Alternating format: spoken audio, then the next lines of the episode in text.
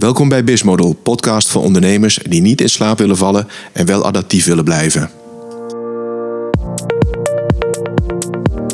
Uh, klassieke valkuil is vooral narcisme. Dat is zo op jezelf gericht zijn dat je uh, eigenlijk alleen maar communiceert om te zenden, iets te verkopen.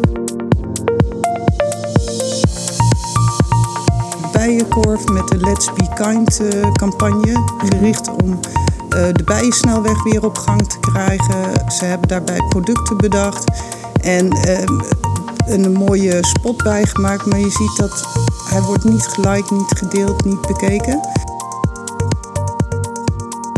Hoe kun je nou voorberekenen wat een content marketingcampagne kan opleveren potentieel voor je organisatie? Financiën is heel erg belangrijk. Ja, en over welke termijn? Ja. Uh, welkom bij de uitzending van uh, Bizmodel. Vandaag heb ik een uh, nieuwe gast en dat is niemand minder dan Masha Gerritsen. En ze heeft onlangs een boek uitgegeven met de titel Content Marketing en Community Management. En dat klinkt heel ingewikkeld, want ja, ik, ik, ik weet wel iets van content, ik weet wat van marketing, ik weet wat van management, maar alle drie bij elkaar of alle vier, dat, dat vind ik nogal uitdagend.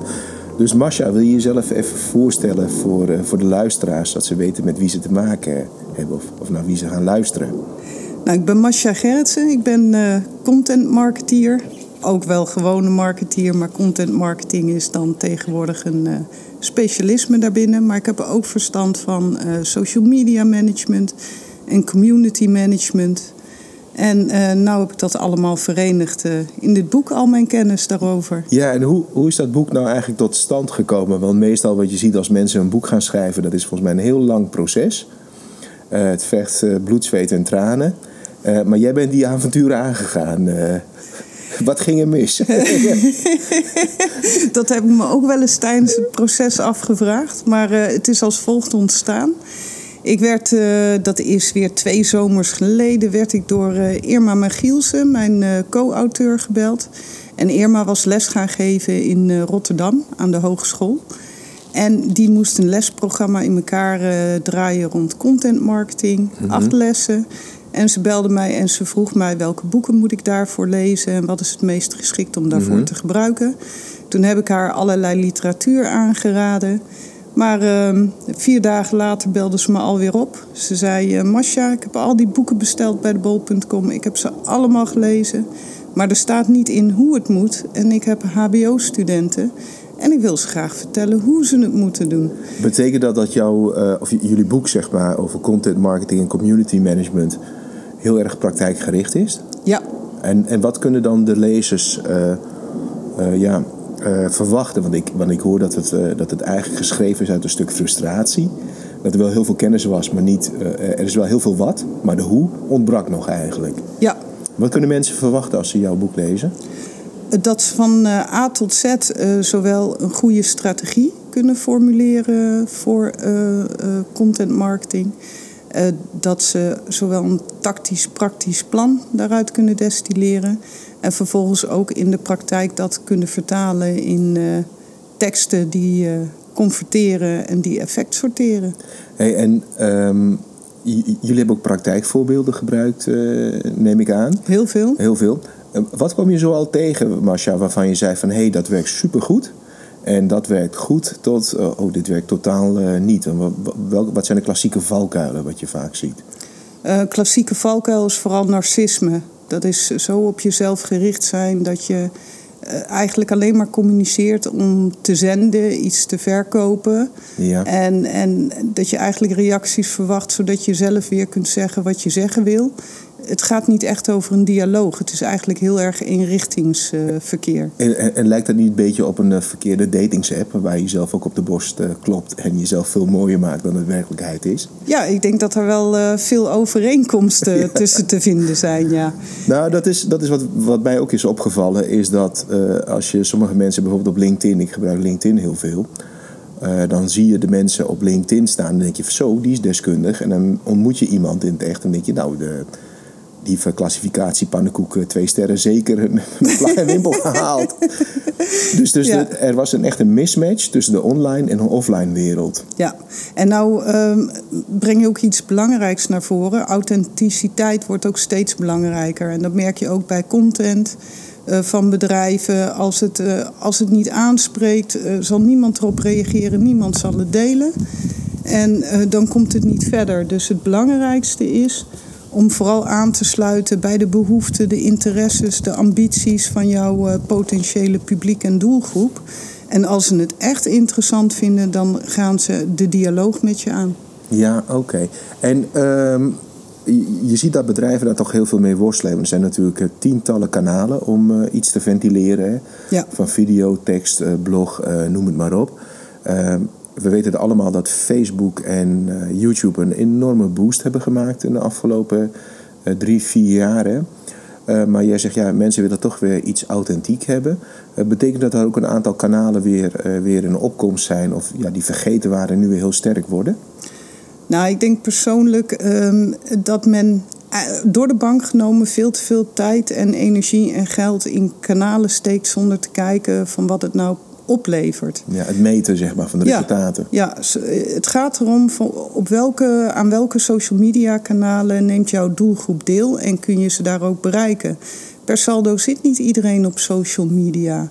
En eh, blijkt eh, slechts 10% van de mensen die gebruik maken van social media eh, regelmatig iets te liken of te posten of mee te praten. Dus dat is slechts 10%. Dus van 90% die het gebruikt hoor je al niks. En van jouw doelgroep eh, is er maar, eh, nou in het beste geval, 40% die gebruik maakt bijvoorbeeld van een Facebook. Hebben we vrouwen 45 plus, durf ik je te garanderen dat 40% op Facebook zit. Heb je een andere doelgroep, dan zal dat al veel kleiner zijn. Dus je moet je realiseren wie je allemaal er niet mee bereikt en over na gaan denken hoe je die wel kunt bereiken. Is, is dat echt een valkuil? Want eh, het grappige is, ik heb zelf onlangs een enquête gehouden voor een bepaalde doelgroep. Toen vroeg ik aan de mensen van hoeveel gebruikt u blogs en social media en de website voor referentie voor uw volgende investering. En de doelgroep gegaan, ja bijna niet. Ik vertrouw nog gewoon op de, op de referenties van klanten face-to-face. Ja, dus authentieke eh, reacties waren voor de klant, of destijds voor deze potentiële klanten, was veel belangrijker dan wat er allemaal online heel mooi werd opgeklopt. Eh, even heel plat geslagen Ja. gezegd. ja iemand, eh, zijn directe getuigenis is dus veel betrouwbaarder. Ja, Want eh, iedereen kent de scams van eh, dat je je neef en je tante en je achternicht een eh, goede review laat neerzetten. ja, Eh, maar het beste, je, je hebt pas wat aan reviews Mhm. als er echte mensen achter zitten die er iets zinnigs over te vertellen hebben en die zelf ook autoriteit genieten. ja. Dus Ook- dat is eh, heel belangrijk. En ook een, eh, belangrijk bij content marketing is, je moet ook niet zelf gaan vertellen hoe goed je bent. Je moet een ander daarover laten vertellen. Dus eh, slimmer is om eh, mensen te gaan interviewen over jou, maar dat dus ook niet zelf te doen. En om, om zo cases te verzamelen. En ehm, om, omdat dat het meest betrouwbaar is voor de, voor de mensen die je verder wilt verleiden om met jou in zee te gaan. ja, in je boek eh, noem je ook draagvlak eh, creëren. Hè? Dus, en volgens mij is authentiek draagvlak nog steeds eh, het beste. Ja. Maar we leven in een wereld die ontzettend snel gaat. Er wordt heel veel gecommuniceerd. Dat betekent ook dat particulieren of klanten of bedrijven, of ja, gewoon de mensen eigenlijk, soms ook heel snel door dingen heen kunnen prikken. Merk je dat ook? Dat ze op een gegeven moment je ook heel snel links laten liggen als het niet geloofwaardig is of niet authentiek is. Heb je dat ook gemerkt gedurende je onderzoek of het schrijven van het boek? Ja, we hebben naar heel veel verschillende voorbeelden gekeken. En eh, eh, er zit ook wel eh, een voorbeeld in ons boek, bijvoorbeeld over de bijenkorf met de Let's Be Kind campagne. Gericht om de bijensnelweg weer op gang te krijgen. Ze hebben daarbij producten bedacht en eh, een mooie spot bijgemaakt. Maar je ziet dat hij wordt niet geliked, niet gedeeld, niet bekeken omdat er toch veel te veel op de producten zit die zij verkopen. En er gaat slechts 10% van die opbrengst naar de bijen toe. En dan zie je toch van ja, dat, dat is niet voldoende voor mensen. Dat wordt niet gepercipieerd als een daadwerkelijke inzet om de bijtjes te helpen. En daarom loopt het niet zo goed. Dus Wat hadden ze bijvoorbeeld anders kunnen doen, eh Marcia?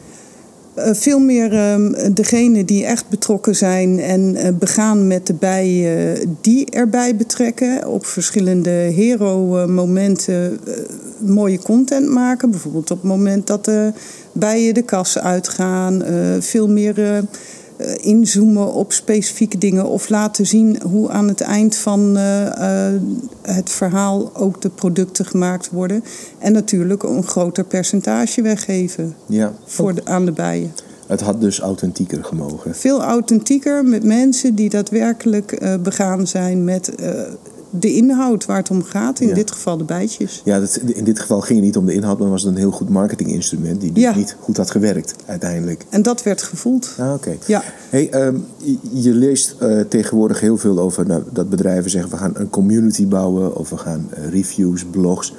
Uh, er worden heel veel termen gebruikt natuurlijk in, in online marketing. Hè? Ja. zie je ook wel eens dat termen verward worden en dat men door die verwarring ook verkeerde dingen doet? Ja, zeker. Het, uh, eigenlijk is ons eerste hoofdstuk in dit boek een introductiehoofdstuk. En daarin worden ook alle verschillende termen heel scherp uitgelegd, zodat duidelijk is van ja, wat betekent het nou? Community management wordt vaak verward met social media management. Je kunt een uh, community via social media onderhouden. Mm-hmm. Maar uiteindelijk zul je toch echt uh, die mensen ook in het echt moeten ontmoeten als je daadwerkelijk een band wil uh, opbouwen. En als je daadwerkelijk aan zinvolle informatieuitwisseling wil doen. Dus Enzo Knol, die dus heel veel vlogt, maar dan ook van die fandagen heeft waar je vreselijk veel geld voor moet betalen. En heel lang in de rij moet heel staan. Lang, ja, maar die doet het uiteindelijk wel goed. Hij doet het verschrikkelijk goed. Ja, dus Hij dat, doet het verschrikkelijk dus goed. Dus bedrijven die heel erg online actief zijn, die moet je ja. eigenlijk ook kunnen. Je moet altijd uiteindelijk een, een van je plannen moet altijd zijn: je moet ons ook echt kunnen aanraken. Ja. Echt kunnen zien. Ja. En als dat niet gebeurt, dan heb je nog steeds een probleem. Ja, en wat dat betreft denk ik dat je ook veel van die vloggers kunt leren. Ze zijn heel benaderbaar. Eh, ze stimuleren ook echt om ze te volgen. Ze werken regelmatig samen met andere grote vloggers. Ze doen samenwerkingsprojecten. Ze doen projecten in real life. En inderdaad, die meet and greets helpen daarbij. Qua engagement creëren zou uh, heel uh, reclame en content marketing in Nederland nog veel van de vloggers kunnen leren. Ja, ja oké. Terwijl het heel vaak wordt gezegd van ja, het is, het is een jongere doelgroep. Maar de basis, de basiswaarde die ze gebruiken is van ik deel wat, ja. ik krijg fans en ik treed ook echt in contact met mijn fans. Ja. Dat doen ze eigenlijk heel goed. En dat, je bent eigenlijk nooit te oud om jonge dingen te doen, zeg ik altijd. Ja, en ze werken samen met andere coole gasten. Ja, oh, dat is heel slim. En zijn er nog meer voorbeelden waarvan jij zegt, van, ja, dat hebben we als referentie gebruikt in ons boek, waarvan je kunt zien, nou die hebben het echt heel goed onder controle? Nou, wat ik zelf een heel mooi uh, voorbeeld vond, is ook Another City Trip van uh, uh, Zandbeek. Another City Trip is uh, van gemeente Eindhoven een campagne om meer toeristen naar Eindhoven te trekken. En daarvoor hebben ze Zandbeek in de arm genomen. En die hebben ervoor gekozen om influencers uit verschillende landen van Europa uh, te motiveren. En ze hebben ze een reiskostenvergoeding aangeboden. Voor de rest een uh, 24-hour experience om Eindhoven te beleven. Daar hebben verschrikkelijk veel uh, bloggers, vloggers op gereageerd. En uiteindelijk hebben ze daar, ik geloof, 15 uit geselecteerd. En uh, in ruil daarvoor, voor uh, uh, een, alleen een reiskostenvergoeding, gingen zij allerlei leuke filmpjes over Eindhoven maken en van elkaar. En uiteindelijk heeft dat gewoon een miljoenen publiek opgeleverd. Dat hebben ze echt waanzinnig goed gedaan. Als waanzinnig zo... goed. In ruil voor een reiskostenvergoeding hebben ze ontzettend veel bereik gecreëerd onder miljoenen, miljoenen mensen. En ook ervoor gezorgd dat er meer jongeren naar Eindhoven komen. Terwijl we, ik was ook uh, jurylid bij, uh, uh, voor platform Content. En toen gingen we voor de Grand Prix Content Marketing de campagnes uitzoeken. En mocht ik bij online jureren. En we hebben eerlijk waar minimaal 10 minuten gediscussieerd of influencer marketing nou content marketing is. Ja. Of niet. En hier zie je dus al een stukje verwarring. Ja. Als je niet weet wat het is, dat je dan ook verkeerde aannames doet en de verkeerde dingen gaat doen op een ja. gegeven moment. En ik ben, was daar zelf heel snel over uit. Het is geniaal om influence te, influencers te betrekken bij het maken van jouw content. Dus het is content marketing wat mij betreft. En een Ja. heel geniale vorm daarvan. Oh, wat goed zeg. Ja, Maar dat is echt een schoolvoorbeeld hoe het was. En nou ben ik heel erg benieuwd als zo'n campagne tot stand eh, komt. Hè, dus het wordt eerst bedacht, gecreëerd, gemaakt, getest. Uh, wat voor type mensen draaien nou aan, zo, aan de knoppen van zo'n uh, campagne? Zijn het jongeren? Hoe ziet zo'n team eruit? Wat, wat voor mensen moet je om je heen hebben? Wil je zoiets realiseren? Uh, het hangt er vanaf wat je doelstelling is. Je doelstelling bepaalt altijd hoe je campagne eruit moet komen te zien. Uh, we hebben hele mooie, goede content marketingbureaus in Nederland.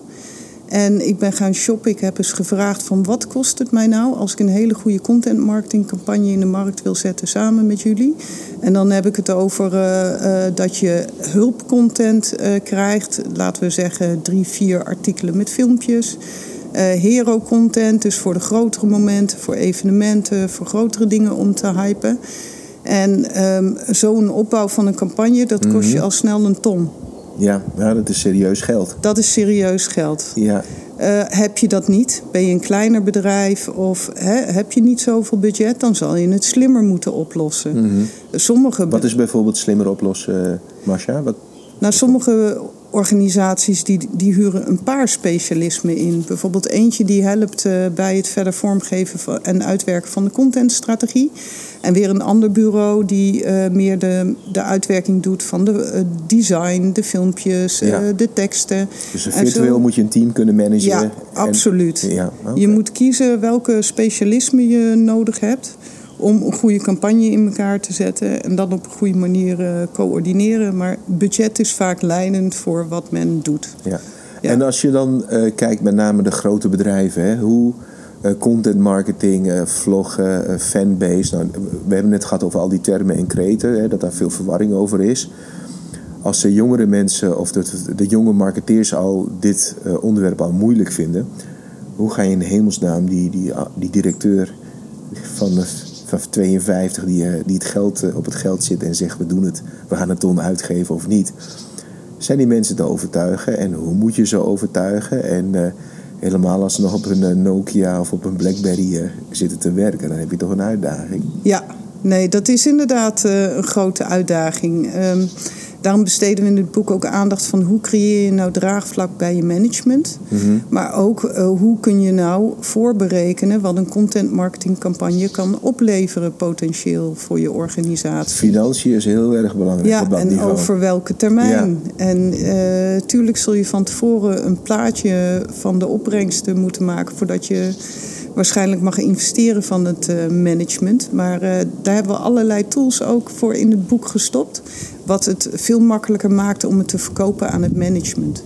Ah, dus je hebt eigenlijk, uh, als je je boeken helemaal doorleest, dan kom je dus achter dat je leert over de hoe en wat, maar ook met name de financiën. En dat zie je in vaak veel marketingcampagnes.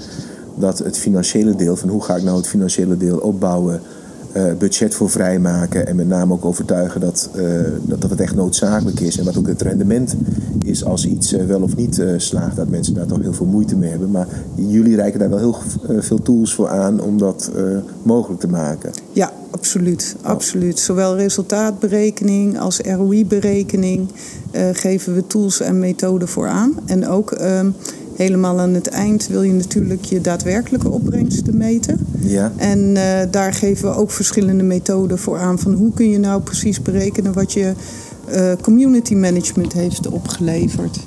Oké, okay. hey, en je geeft. Uh, hoe, hoe, lang ben je trouwens bezig geweest, Masha, met, met, met het boek? Ik denk dat we nou in totaal anderhalf jaar eraan gewerkt hebben. Anderhalf jaar. Ja. Dus wat we misschien als conclusie kunnen zeggen is dat anderhalf jaar nu we hebben kunnen samenvatten in een podcast van uh, 20 minuten. Ja. maar het belangrijkste is dat je het boek wel uh, natuurlijk gaat lezen. Um, ja, ik wil ook hiermee afsluiten. Uh, ik wil je danken voor je tijd en aandacht. En voor de luisteraars. Uh, heb je zelf prangende vragen over uh, content marketing? Schroom niet om Masha Gerritsen zelf te contacten. Dat kun je op mijn website uh, vinden. Of je kunt met haar contacten via LinkedIn. Uh, heb je prangende vragen over business design, waardeproposities design, dan mag je mij natuurlijk daarover bellen. En wil je allebei een keer gebruiken, dan moet je ons tweetjes inhuren. Dan werkt het helemaal uh, goed. Uh, Masha, dankjewel voor je tijd. Graag gedaan. En wellicht zien we elkaar de volgende keer. luisteraars, je kunt ons blijven volgen, wat ik net al zei, via LinkedIn, via Twitter en natuurlijk via deze podcast. Dus dankjewel voor het luisteren en tot de volgende keer. Dank je voor het luisteren. Ik hoop dat je er wat aan hebt gehad. En maar er volgen gelukkig nog meer podcasts. Dus blijf luisteren. Heb je nog vragen, dan kun je me altijd een mailtje sturen of even bellen of even appen.